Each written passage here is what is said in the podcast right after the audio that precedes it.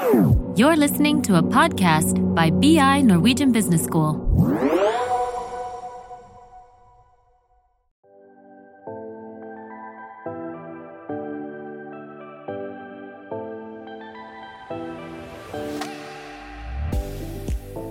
Velkommen til Karrierepraten, en podkast for karriereinnsikt og inspirasjon fra Handelshøyskolen BI.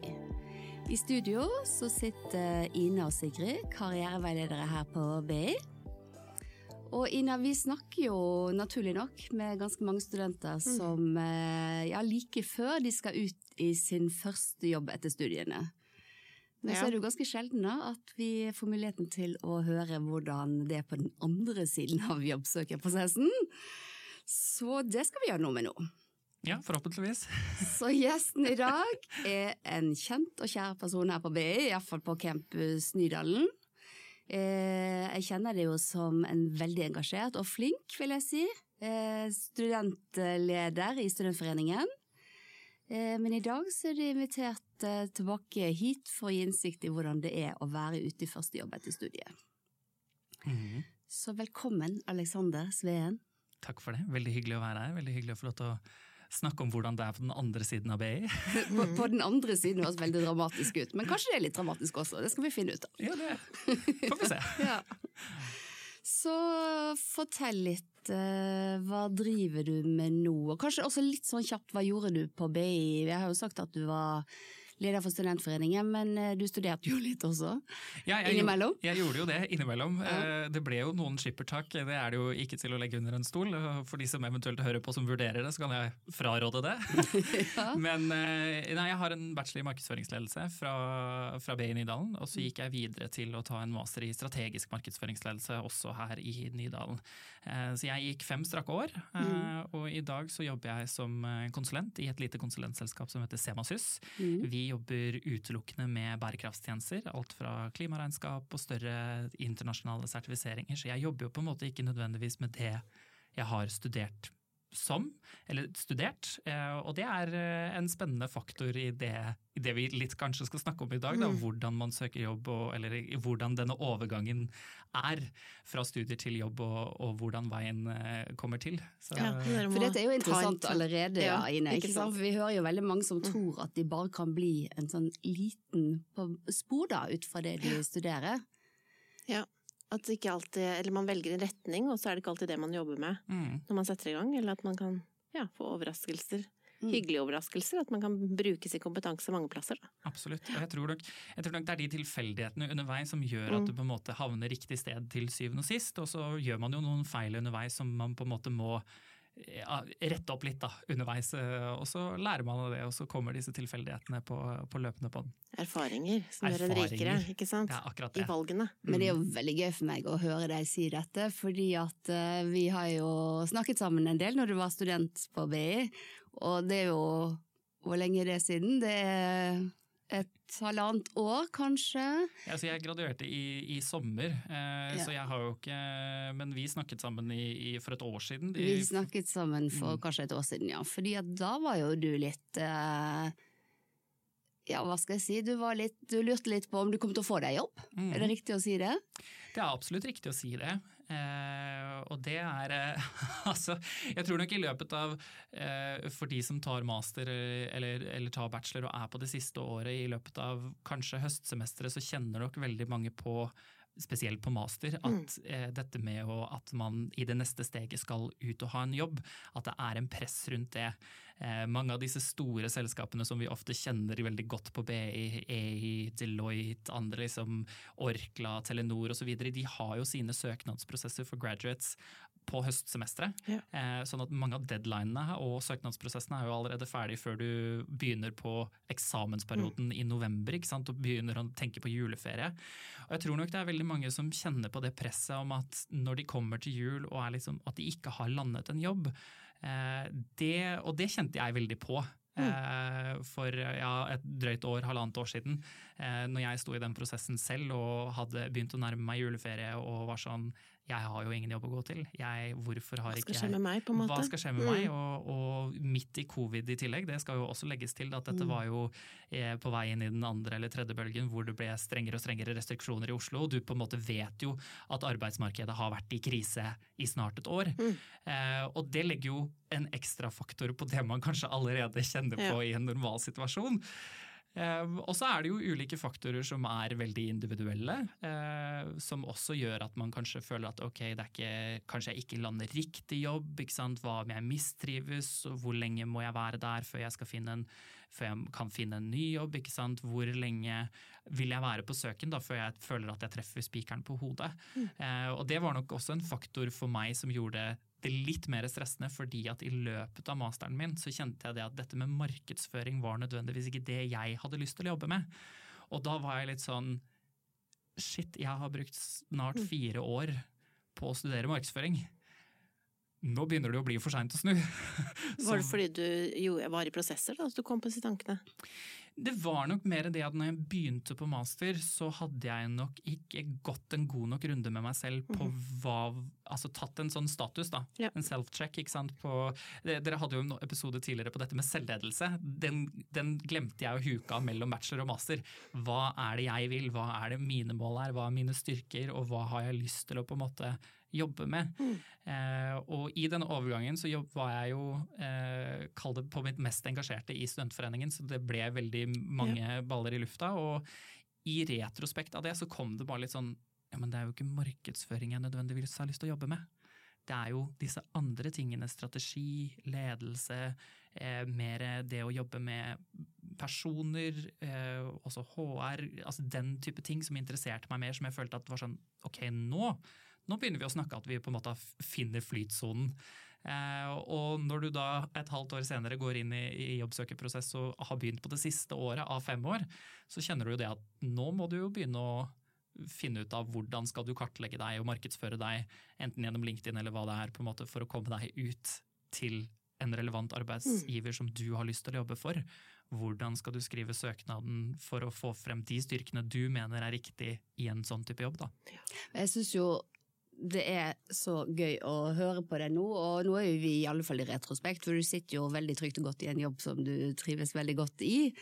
Eh, og for meg da, som hadde samtale med deg på dette tidspunktet, og så at du var stresset, jeg var jo så rolig selvfølgelig på dine vegne, for jeg visste jo Jeg vet jo hvem du kommer med av din personlighet, og hva du hadde av kompetanse på CV-en din. Så det er veldig interessant. Jeg syns det er veldig fint at du sier, som akkurat har vært i den situasjonen selv, at det å, å sitte der på den høsten eventuelt da, eller våren, ikke sant, og se kanskje noen andre som har sammenlignet seg med, har fått jobb, og du har ikke fått det selv. Men eh, det ordner seg. Det ordnet seg, Ja. og det er jeg veldig takknemlig for. Mm. Jeg føler jo for min del at jeg har truffet spikeren på hodet. Mm. Eh, og det er, jeg, det er jeg veldig glad for i dag. Kanskje man må igjennom en sånn periode, rett og slett. da. Selvransakelse, Mm. ikke sant, som du snakket om også. At man må grave litt dypt i, i lagene sine for å finne ut hva man vil og hva man kan. Mm. Eh, En gang må man gjøre det.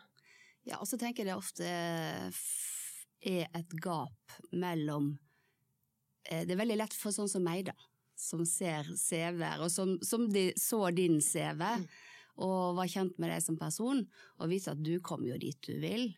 Men det er ikke så lett når man sitter midt oppi det, og det tenker jeg vi skal anerkjenne. At det er, det er stressende, men det er det jeg håper det hjelper. Mm. At sånne som deg kommer tilbake igjen og, og sier at vet du hva, eh, da lander man faktisk der man er på riktig hylle og der man best vil, når man tar seg den tiden. Mm. Og så tror jeg det er noe med det også på en måte for, for alle de studentene som sitter og kjenner på det at ja, men vi har ikke det er sånn, ok, Fra jeg var ti år så har jeg lyst til å bli lege, og lege ble jeg. ikke sant? At du har på en måte jobbet målrettet hele veien, og du har hele tiden visst hva du vil bli. Det er jo eh, på mange måter, For meg så har det alltid vært litt sånn åh, Jeg skulle ønske jeg også var sånn. Ja. Jeg skulle ønske jeg hadde en klar retning på hva har jeg lyst til å jobbe med, og hva er det på en måte jeg brenner for 110% og bare sånn Dette skal jeg jobbe med. Og jeg tror nok det er kanskje også veldig mange på BI fordi at vi har studert et såpass bredt i bredt spekter. Eh, Det er såpass brede grader ofte på BI, både på bachelor og på master, som gjør at man kanskje selv man tenker at studiene skal hjelpe deg å sette retning, men så er det fortsatt det at du kan med en utdanning fra BI gjøre såpass mange ulike ting at det hjelper deg nødvendigvis ikke å sette den retningen. Eh, og det tror jeg er litt viktig for, for også at man anerkjenner det ja. selv, at det er lov å på en måte ta seg tiden og gå tilbake og være litt sånn ah, dette var ikke helt riktig, men da er det jo også noe med det som jeg tenker å være litt proaktiv og snu på stenen. ikke sant? Hvordan kan fortsatt det jeg har lært, de erfaringene jeg har med meg, være nyttig for en arbeidsgiver i den retningen jeg ønsker å gå? Er, ja, for hvordan gjorde du det? Oi, det Husker du det? Ja, det er et godt spørsmål. Eh, jeg hadde jo litt ulike ting. Jeg spilte jo på mitt engasjement i Studentforeningen. Andre faktorer som jeg så lå utenfor selve markedsføringsfeltet. Eh, jeg brukte internshipet jeg hadde i EAT innen bærekraft for å på en måte kunne jobbe meg inn mot det segmentet, vise at jeg hadde en bred bakgrunn. Og som konsulent så tror jeg det er veldig viktig at man har en bred bakgrunn, at man kommer fra forskjellige grader. Det er ikke bare finansfolk eller siviløkonomer mm. eller liksom visse typer mennesker med visse typer utdanninger som skal inn, fordi at man som konsulent skal jobbe med så mange bransjer. Ja. Og det var det som jeg syns var veldig spennende og attraktivt med konsulentbransjen også, var rett og slett det at jeg kunne jobbe med mye forskjellig utfordre meg hele tiden og lære nye ting om, de, om ulike bransjer. Ja. Eh, innenfor et fagfelt da, som jeg har valgt å, eller vært så heldig å fått jobbe innenfor, som er bærekraft. Noe jeg brenner personlig for. Mm. Så jeg spilte på det. Eh, og så brukte jeg eh, valgfagene mine siste året på master til å spisse meg Kall det spisse meg ut av markedsføring. Heller ta mer ting som gikk på big data, kommunikasjon, innovasjon, mer ledelses- og strategiorienterte fag. som Masterutdanningen er jo en strategisk markedsføringsledelse. Mm. Det er jo ikke bare markedsføring som er faget. Så jeg prøvde å spille på de andre strengene jeg hadde på, på det løpet jeg allerede hadde begynt, og der, eh, der traff jeg blink. Det er smart. Det er veldig smart. Så det høres ut som du har fått med deg en del eh, ut fra selvledelse allikevel, fordi at vi kan også gjøre dette mens vi går. Og det er mm. ikke å forvente, tenker jeg, når man begynner på en bachelor, og ikke for så vidt en master heller, at man er helt, helt klar på hvilken retning vil jeg i. Nei, altså det, og det kan jeg jo legge til at når jeg begynte på bachelor, så skulle jo ikke jeg ta en master. Jeg skulle ta en bachelor, og så skulle jeg ut i jobb. Mm. Eh, for jeg hadde noen år imellom videregående og bachelor. Så jeg var jo egentlig klar for at jeg skulle ut i jobb, og sånn retrospekt så burde jeg vel egentlig kanskje også tatt den tiden for å kanskje ha en master som jeg var mer tilfreds med faglig. Eh, men altså, på mange måter, da, som jeg tror de aller fleste kommer til å kjenne seg igjen i, er at det løser seg. Mm, Men må på en måte bare ut av den der bobla om at dette er litt tøft, og akkurat nå så vet jeg ikke hva, hva jeg gjør i det neste steget. Det er jo det som er disse valgene man skal ta, og periodene som er usikre. Og det tenker jeg er litt sånn godt å høre, eh, det du forteller. at eh, Vi sier det jo på veiledningene, at dette kommer til å ordne seg, men det er bare tidsaspektet mm. som er eh, Ikke bare, for det er, det er, det som dirrer litt og er litt vanskelig. Mm. Det er der jeg også tenker, bare sånn for å skyte inn, jeg tror det er der også studentene må tenke, og jeg selv måtte virkelig ta meg i det når Sigrid fortalte meg bare sånn, ja, men dette ordner seg. ikke sant, ja. Alexander? Du må bare tenke, og vi sparret litt og, og, snakket litt rundt det flere ganger. Og da var det jo sånn, når jeg la på, så kunne jo fortsatt alarmen min gå i hodet og var liksom ja, men hvor, du har fortsatt ingen jobb å gå til, du vet fortsatt ikke hva som skjer når du har levert masteren din. Så må du jo på en måte roe deg litt ned selv og på en måte være sånn ja, ok, vi stoler på dette her karriereveilederne som vi snakker med, eller de man sparer med, de har gjerne Det er en grunn for at vi sparer med de, de har en erfaring. Eh, og da tenker jeg også det at det er lov å, eh, å, å ta den litt til seg, huske på det. Ja. At det er sånn ok, dette ordner seg, og så tar vi ett steg av gangen. Si det høyt seg selv. Si det, høyt til seg selv. Sannhet, ja. Mm. Godt råd. Eh, og overgangen fra studiet til fulltidsjobb, da. Hva vil du si om det? Jeg, sa, jeg tror jeg introduserte i sted og sa at på den andre siden, nå er det på den andre siden. Mm. Hvordan var overgangen til den andre siden? Eh, det, har et, det har jo vært et rart år, så jeg tror jo overgangen min nødvendigvis ikke er veldig stereotypisk for de som gikk ut før korona. Eh, og, og, det tror jeg skiller seg litt ut, og det tror jeg derfor kanskje mange også kjenner at de er litt mer utrygge i den overgangen man kommer i. Så for meg så var det jo en ekstra uro i at man vet ikke hva arbeidsmarkedet er. man vet ikke hva man... Fordi det er annerledes etter fordi at det er annerledes, eller fordi at man vet at det har vært et stort Mm. press på, på arbeidsmarkedet. Sant? Man, man har jo lest nyhetene, og så kjenner, man sitter jo som student. Mm. Man skal jo ut i arbeidsmarkedet og hører det at det er bedrifter som er på randen til konkurs, og som har permittert x antall ansatte, og så blir man jo litt sånn Oi, hvordan vil dette være for min bransje? Også uten at man kanskje har noen reelle sammenligningsgrunnlag. Vi vet jo det at enkelte bransjer har vært hardere utsatt enn en andre. Så det er klart at det, har, det la nok en ekstra sånn stressfaktor. Eh, og så er jo jeg eh, absolutt innforstått med at jeg bygde meg veldig trygge rammer på BI. Veldig veldig trygge rammer. Mm. Å gå ut av de rammene etterpå, etter fem strake år, hvor du har vært mye på studiene, du har studert, du har vært engasjert og den type ting, og det gå ut av det, det var veldig sånn Nå er jeg på tynn is. Ja. Hva gjør jeg nå? Mm. Um, og det er jo noe med det å takle den prosessen også. eh, og, kla- og så prøve å liksom si til seg selv da, at ok, men jeg har blitt ansatt for en grunn. Jeg har fått denne Mm. jobben her av en grunn. Jeg også som valgte å prøve meg litt utenfor fagområdet, eller hovedfagområdet jeg har studert, var det jo en liten sånn ekstra hvor det er litt sånn ok, men jeg, jeg kan jeg dette godt nok? Og liksom man har disse tankene om at ja, men jeg kan jo ingenting når jeg jobber der, og det vil jo bare ikke sant, denne imposter syndrome som kanskje veldig mange kjenner seg igjen i. ikke sant, Det at man kommer dit, og så er det liksom sånn ja, men kan jo ingenting, så det vil jo bare være et spørsmål om tid. Hvordan skal jeg klare meg gjennom prøvetid? ikke sant, Det er alle disse faktorene. Eh, så når på en måte jobbkontrakten og alt mulig sånne ting har landet på plass, så er det jo sånn du får jo 100 kilo av skuldrene, for det er sånn ok, jeg har en jobb å gå til, jeg har fast inntekt, ikke sant, dette går bra. Og så har du levert masteren, og da anbefaler jeg egentlig at du tar fire uker strak ferie, at du ikke begynner i jobb med en gang. for det For det gjorde du? Det gjorde du. det gjorde jeg, og det er veldig fortjent, og det var også veldig deilig. Fordi at du det blir litt av den overgangen om at da lukker du et kapittel. Mm. Du blir på en måte ferdig med det, du får en sånn ordentlig pause, og så kan du begynne på noe nytt igjen da, igjen i august eller september eller når oppstart er. Det har jo også noe med det at vi som studenter ofte eh, Vi som studenter, hører du. Eh, som student så er du ofte veldig vant til å jobbe deltid og jobbe mindre i eksamensperiodene, men da måtte ta igjen en del av dette her gjennom sommerferien. Mm. Og da tenker jeg det at når du er ferdig med masteren din eller Mm. bacheloren din, og du skal ut i jobb, og du nødvendigvis ikke skal begynne på et neste studie, vet du, ta de fire ukene med ferie. Mm. Rett og slett fordi at det trenger du for å lukke litt og på en måte prosessere den prosessen du har vært gjennom. Fordi at det er en, det er en bragd. Og enten å ha en bachelorgrad eller å ha en mastergrad, det er en bragd å ha fullført det, så anerkjenn det litt for deg selv. Og det er jeg veldig glad for at jeg gjorde. Eh, og så fikk man jo også på en måte roet litt disse stressnivået og ikke sant, snakket litt med familie og venner om at ja, men dette kommer til å gå fint, og så var man mer klar i hodet da, til, å, til å starte opp i ny jobb. For da Jeg er synes det var et veldig godt råd. Fordi at det å faktisk Det er ikke så ofte man har den muligheten, og det er ikke så ofte man er i en sånn overgang heller. Så virkelig ta seg den tiden og nyte litt at man har Mm. ferdig med en grad, landet en jobb, Mm. før man begynner i den jobben. Fordi at vi vet jo det at begynne i ny jobb, da kan jo stresstankene begynne igjen. Så Mm. hvordan var det? Det er klart at det har vært en læringskurve. Og det har vært en bratt læringskurve. Og det tenker jeg også er litt av grunnen til at man bør ta seg en ferie. Mm. Fordi at da har du klar, du er klarere i hodet, du har på en måte lagt de, de store prosjektene og eksamene bak deg, og du på en måte kan starte litt mer på, på frisk eh, bakke. Eh, men når det på en måte har lagt seg også, så er det jo noe med det forarbeidet man skal gjøre i jobbsøkerprosessen. Om hvordan type selskap er dette her, hvordan er opplæringsstrukturen deres, hvordan er kulturen deres, har du en kjemi med de som du er på intervju med.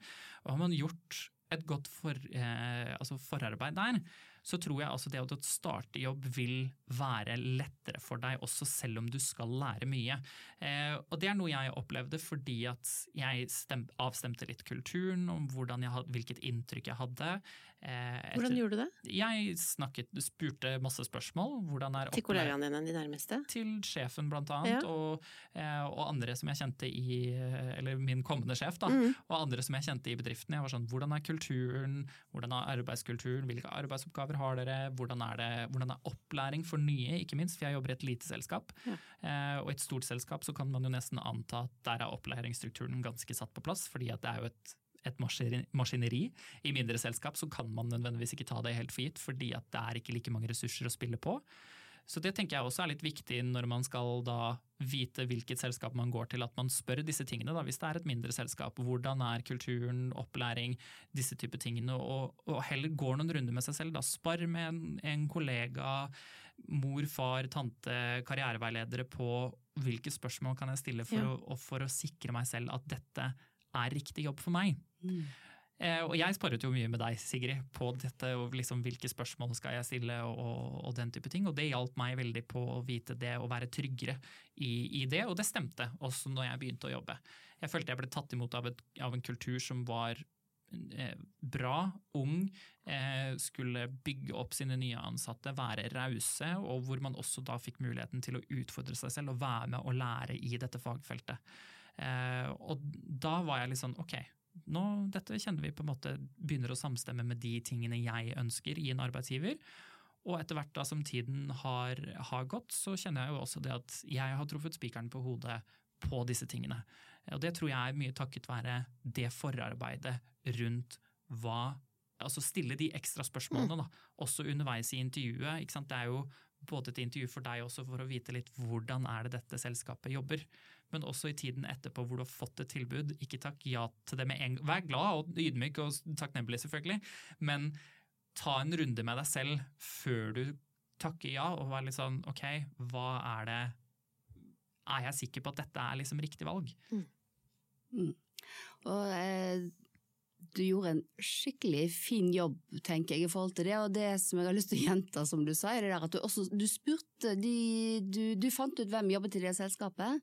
Og du spurte både sjefen der som hadde intervjuet deg, men også folk du kjente, eller som du fant ut av som jobbet i selskapet. For det er de som kan gi svar på hvordan, hvordan er det vi gjør det her. Mm. Mm. Og det tenker jeg at det skal man ikke være redd for å spørre om etter et intervju, eller et Mm. eller annet, eh, eller uansett hvor i prosess man er, om å få lov til å kanskje spørre en av de andre kollegaene som ikke er er på intervjuet, hvordan Mm. det er å jobbe i selskapet, bare sånn for å høre litt fra et annet perspektiv. Mm. Eh, for det er jo avhengig av hvilket selskap du skal begynne å jobbe for, så er du gjerne enten en HR-avdeling, eller det er en b- b- CEO, konsulentsjef, et eller annet som på en måte gjerne sitter på et litt høyere nivå, eller som ikke sitter i det teamet du skal jobbe med.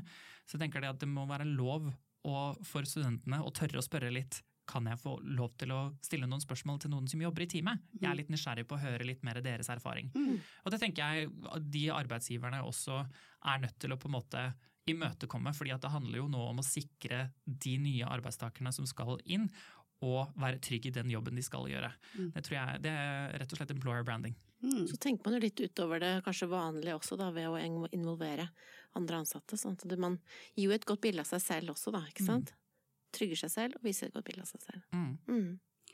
Du gjorde jo en god forberedelse før du skulle begynne å jobbe, men hva, sånn, når, du, når du var i gang, eh, hva var det mest positive, hva var det mest utfordrende med, med å være i jobb? Det mest positive eh, er jo For meg så var det teamet, eh, hvor rause jeg opplevde at mine kollegaer var og arbeidsplassen var. Ovenfor at vi også skulle få rom til selvledelse, få rom til å utvikle oss faglig. Eh, men også den følelsen av at vi får det rommet, og at vi er nødt til å være proaktive og drive selvledelse rett og slett veldig aktivt for å holde oss oppdatert på det faglige som kommer, eh, sørge for at vi kan ting om de bransjene vi skal inn og jobbe i, at vi får, vi får et ansvar. Og for meg personlig så fungerte det, og fungerer veldig godt. Jeg kjente at det var på en måte et sted hvor jeg også kunne få lov til å være meg. Og det tenker jeg er litt viktig at man avstemmer litt sånn underveis også, er det liksom, kjenner man at det er greit. Og det syns jeg har vært veldig fint med å komme inn i et litt mindre selskap, og ikke nødvendigvis et stort, større selskap og et maskineri, uten at jeg kan nødvendigvis sammenligne det like, like godt. Men det har noe med det at du får mer rom til å ikke sant, Du kan eh, Litt banalt, men ikke sant, du har ingen som nødvendigvis renser kaffemaskinen. Det er det liksom vi ansatte som må gjøre litt på rullering. Vi må sette opp PC-ene selv og liksom Mm. gjøre litt sånne ting, sånn at det på en måte blir litt mer det blir ikke så høy terskel for en del ting, og det gjør den kulturen og den arbeidsplassen å komme inn til, gjorde det også for meg mye lettere å spørre om hjelp når jeg satt i og var liksom dette skjønner jeg ikke. Eh, og kunne få en forklaring på det. For det tror jeg også er noe veldig mange tenker på når de skal ut i arbeidslivet, er at ja, men jeg skal jo kunne alt, og Ja. dette kan jeg jo ikke. Og da blir terskelen veldig høy for å gå og spørre om hjelp. Mm. Og det er klart at jeg hadde en, eh, en tidligere eh, leder som sa til meg eh, første uken jeg var ny, hvor hun var sånn du kan godt ringe meg og spørre hvis du står fast her og ikke vet hva du skal gjøre, men jeg vil at du alltid tenker først Klarer jeg å finne dette svaret først, før jeg ringer? Mm. Og det prinsippet har på en måte holdt litt med meg, fordi det krever jo at jeg også gjør en innsats i stedet for å bare løpe og spørre, og det tror jeg er bra. Men samtidig så må du også, for å være effektivt og yte den jobben du skal gjøre, så må du sette en grense for når er det jeg ikke klarer å finne ut av dette lenger, eller trenger noen å spare med eller spørre for å forstå det jeg faktisk skal forstå. Mm. Og det er eh, noe med den kulturen jeg ble møtt med som eh, har vært veldig nyttig. Og så snakket du om eh, det var jo det som var bra, og så spurte du om det som var utfordrende, mm. selvfølgelig. Du må jo ikke glemme det. Nei da, det er jo og det som har vært utfordrende, er jo at man fortsatt er litt student. Det er jo ikke noe til å legge under en Hva mener du med det? Du er ikke ferdig utlært når du går ut med en grad fra verken BE eller NHH, eller hvor du på en måte har tatt graden din når du skal ut i arbeidslivet. Du må brette opp armene og fortsette å jobbe for å lære deg de tingene. For det er ikke sikkert at eh, altså Mest sannsynligvis så du kan ikke rutinene, du kan nødvendigvis ikke alle systemer. Det er en del sånne ting. Du har selvfølgelig en kjempegodt grunnlag faglig sett for å gjøre en del av disse tingene. Har du, har du tatt en master, så har du ofte blitt preppet i å gjøre flere forskjellige ting, og så gå ut og søke informasjon. Eh, og det er veldig nyttig når du skal ut i en jobb å kunne, men det er en del av disse andre tingene som du fortsatt må gå ut og lære. Eh, og det å avstemme den, den eh, var litt sånn ja, ok, vi var fortsatt student. Og det, det er noe viktig å huske på bak der. Avstemmer du med deg selv eller med bedriften da, hva tenkte du på? Nei, litt sånn at man på en måte minner seg selv litt om at jeg er ikke ferdig utlært. Nei. Rett og slett. At man Det opplever jeg også når vi snakker i veiledninger, at det er å, å prøve å få, på å si, få forståelse for det, da, at man Mm. har et sånn vekt omtrent, da, at man bruker Man er tung på utdannelse, så er man litt lettere på, på arbeidserfaring. Hvordan skal man da få likevekt og, og bli tyngre på, på erfaringen? mm, Jo, man må bruke litt tid til å bygge seg opp og gå gradene litt, da. mm. Men min respons Alexander, er jo også deilig at man Ja. kan fortsette å lære. Absolutt. Ja. Eh, og det er jo jeg også veldig takknemlig for. En annen ting som på en måte i hele dette systemet også som har vært utfordrende, er jo etablere rutinene. Fordi at du har jo plutselig en helt annen hverdag enn det Ja. du har som student. Selv så syns jeg det har vært deilig å på en måte få litt i rammene igjen, kanskje også med tanke på at det har vært hjemmekontor i halvannet til to år, og at man kjenner det at det er, åh, det er godt å kunne gå til jobben og være der, ikke nødvendigvis åtte til fire, men være, ha et sted å gå til, du har en jobb å gjøre. Men så er det jo også den at du som nyutdannet må jo også kunne din verdi. Ofte så kan man, hvis man har et eh, en, altså type konsulenter, ikke sant, de fakturerer jo for arbeidet sitt, og da blir du som ny så kan man jo være litt usikker på om man er som, ja, men jeg er jo ny, så jeg bruker jo lengre tid fordi at jeg kan ikke alt, ikke sant, så hvordan skal jeg fakturere det? Men stå litt i fortsatt være trygg i den rollen du har, og ikke være redd for å gjøre feil selv om du har fått en jobb, fordi at det er også en del av læringsprosessen. Eh, og det tenker jeg at arbeidsgivere også må være gode på å håndtere underveis, som at de som kommer og starter i jobb, de er ikke ferdig utlært. Det vet, det vet arbeidsgivere. Men de må også da være rause til å takle disse tilbakemeldingene fortmeldende, fortløpende. Eh, at man jobber med, hvis man ser at en ansatt har gjort en feil, eller at man også da er med på sånn ok, dette her var ikke helt riktig, men det fikser vi sammen. Ikke sant? At vi går fremover sammen, vi kan lære disse og disse tingene ut av det, og så jobber vi videre, og så leverer vi bedre neste gang. Så får man man inn på riktig spor. Og det handler jo noe om at man også, ikke sant, på samme måte som vi snakker mye om gjennom studieløpet, at man skal føle mestring. Det tror jeg er kjempeviktig. Ja. Eh, og det tror jeg kanskje er utfordrende for mange som, som kommer i den overgangen, at man sliter litt med å føle mestring fordi at alt fortsatt er nytt og litt overveldende. Selv om det er en mye bedre økonomisk eh, faste rammer for den enn gjennom studenttiden. Det er en stor forskjell. Men er det er, ble du, du jobber jo som konsulent. Ble du liksom kastet ut til kunde fra dag én? det, altså, vi hadde jo en opplæringsrunde på liksom, de tingene vi jobber med, og de systemene vi jobber med. Vi har jo et, et eget IT-system som vi gjerne innloser en del av kundene våre i. Eh, så vi fikk jo opplæring i dette og litt sånn, sånne ting. Så etter en Kanskje ikke de første to ukene, men etter det så var det litt sånn ok, nå skal du være med meg på dette salgsmøtet for å liksom høre litt, og du blir bare opp observant, så du trenger, det forventes ikke at du sier noe eller noe, men så derfra så begynte ballen å rulle på at vi fikk egne kunder å holde ansvar for, egne kundeprosjekter eh, og en del av disse tingene som gjør jo at du må på en måte være med du må være med ballen å rulle. Du, du må løpe med ballen i nedoverbakke. fordi at du må jo da hele tiden sørge for at de tingene du har ansvar for, faktisk at du klarer å opprettholde den kvaliteten som selskapet skal levere. Eh, og det er jo noe med den overgangen til at man, eh, man må lære mens man løper, og så må man da kunne justere inn de feilene man gjør underveis. Mm. For det, å feile er menneskelig, rett og slett. Å feile er menneskelig. Det, er, det, det kommer vi ikke forbi, men eh, å lære av det, det er jo det vi holder på med hele tiden. Mm, det er sånn du blir bedre. Ja, okay. Men vet du hva, jeg ser også at tiden går jo så fort når vi sitter i så kjekt selskap. Og så vi må jo spørre deg også om dette med øh, om du har noen tips til, til de som skal søke seg mm. ny jobb. Ehm, det har jeg. Eh, og det er til de som skal søke fulltidsjobb og på en måte er i den prosessen, så er første ting er å be om tilbakemelding. Får du et avslag, ja. Eh, be om tilbakemelding. Spør hvorfor. Grav hvorfor. Hvorfor har ikke jeg kommet videre til neste eh, bak det inn på en pakke som gjør at du er nysgjerrig på å lære mer. Fordi at de tilbakemeldingene er viktige for deg for å kunne justere deg inn for å da skjønne hvorfor du ikke ble valgt ut i denne puljen. Eller hvorfor... Så gjorde du det? Jeg ba om det. Ja, og fikk du svar? Ofte så fikk jeg svar, ja. Eh, og noen ganger så fikk jeg også svar som er sånn nei, vi har ikke notert noe, eller uh, sånne type ting. Mm. Og det tenker jeg er en oppfordring til de mm. arbeidsgiverne som hører på, er noter og gi tilbakemeldinger mm. til de som spør om det, fordi mm. at de kan lære veldig mye. Og de mm. tilbakemeldingene de får kan også være viktige for at de skal få jobben sin. Så gjør litt innsats for å gjøre det, fordi det gir, det, altså, det gir, bare pluss til deg som selskap igjen senere. Ja. Fordi at du, i, du fullfører hele prosessen på en god måte. Ja, og Jeg hører også at det er mange som gir et fint svar tilbake igjen som man kan lære av. Så det er et veldig fint råd. Ja.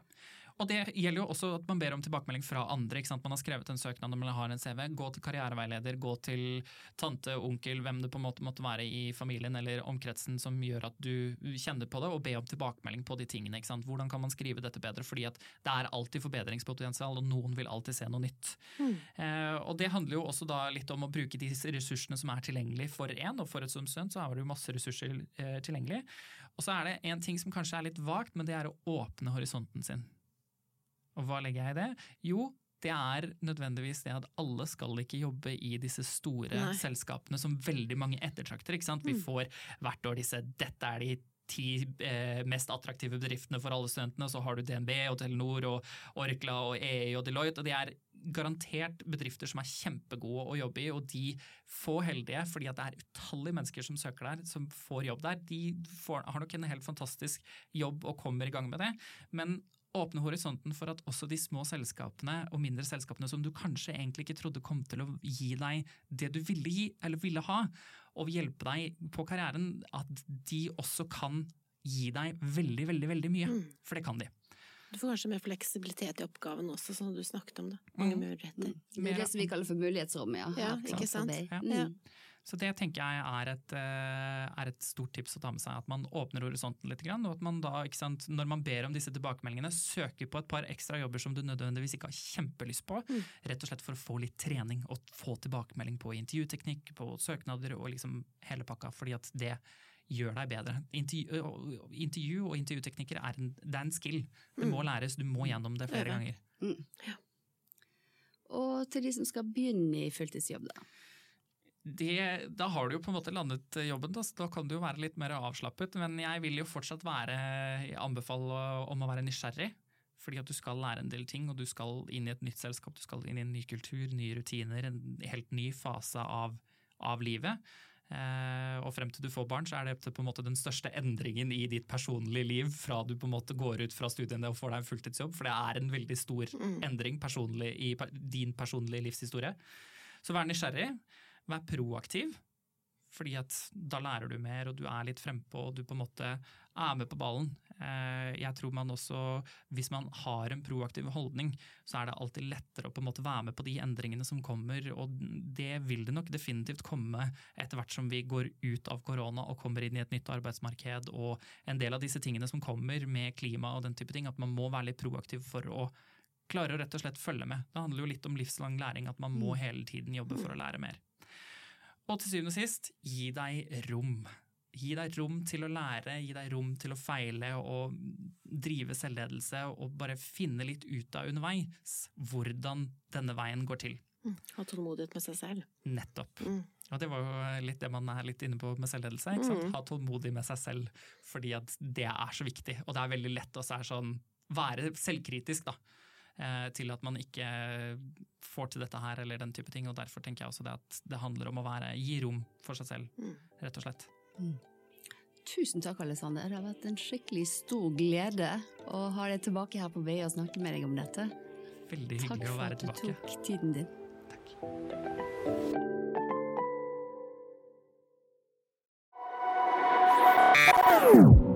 This is a BI production. Listen to more podcasts. Go to bi.no slash podcasts.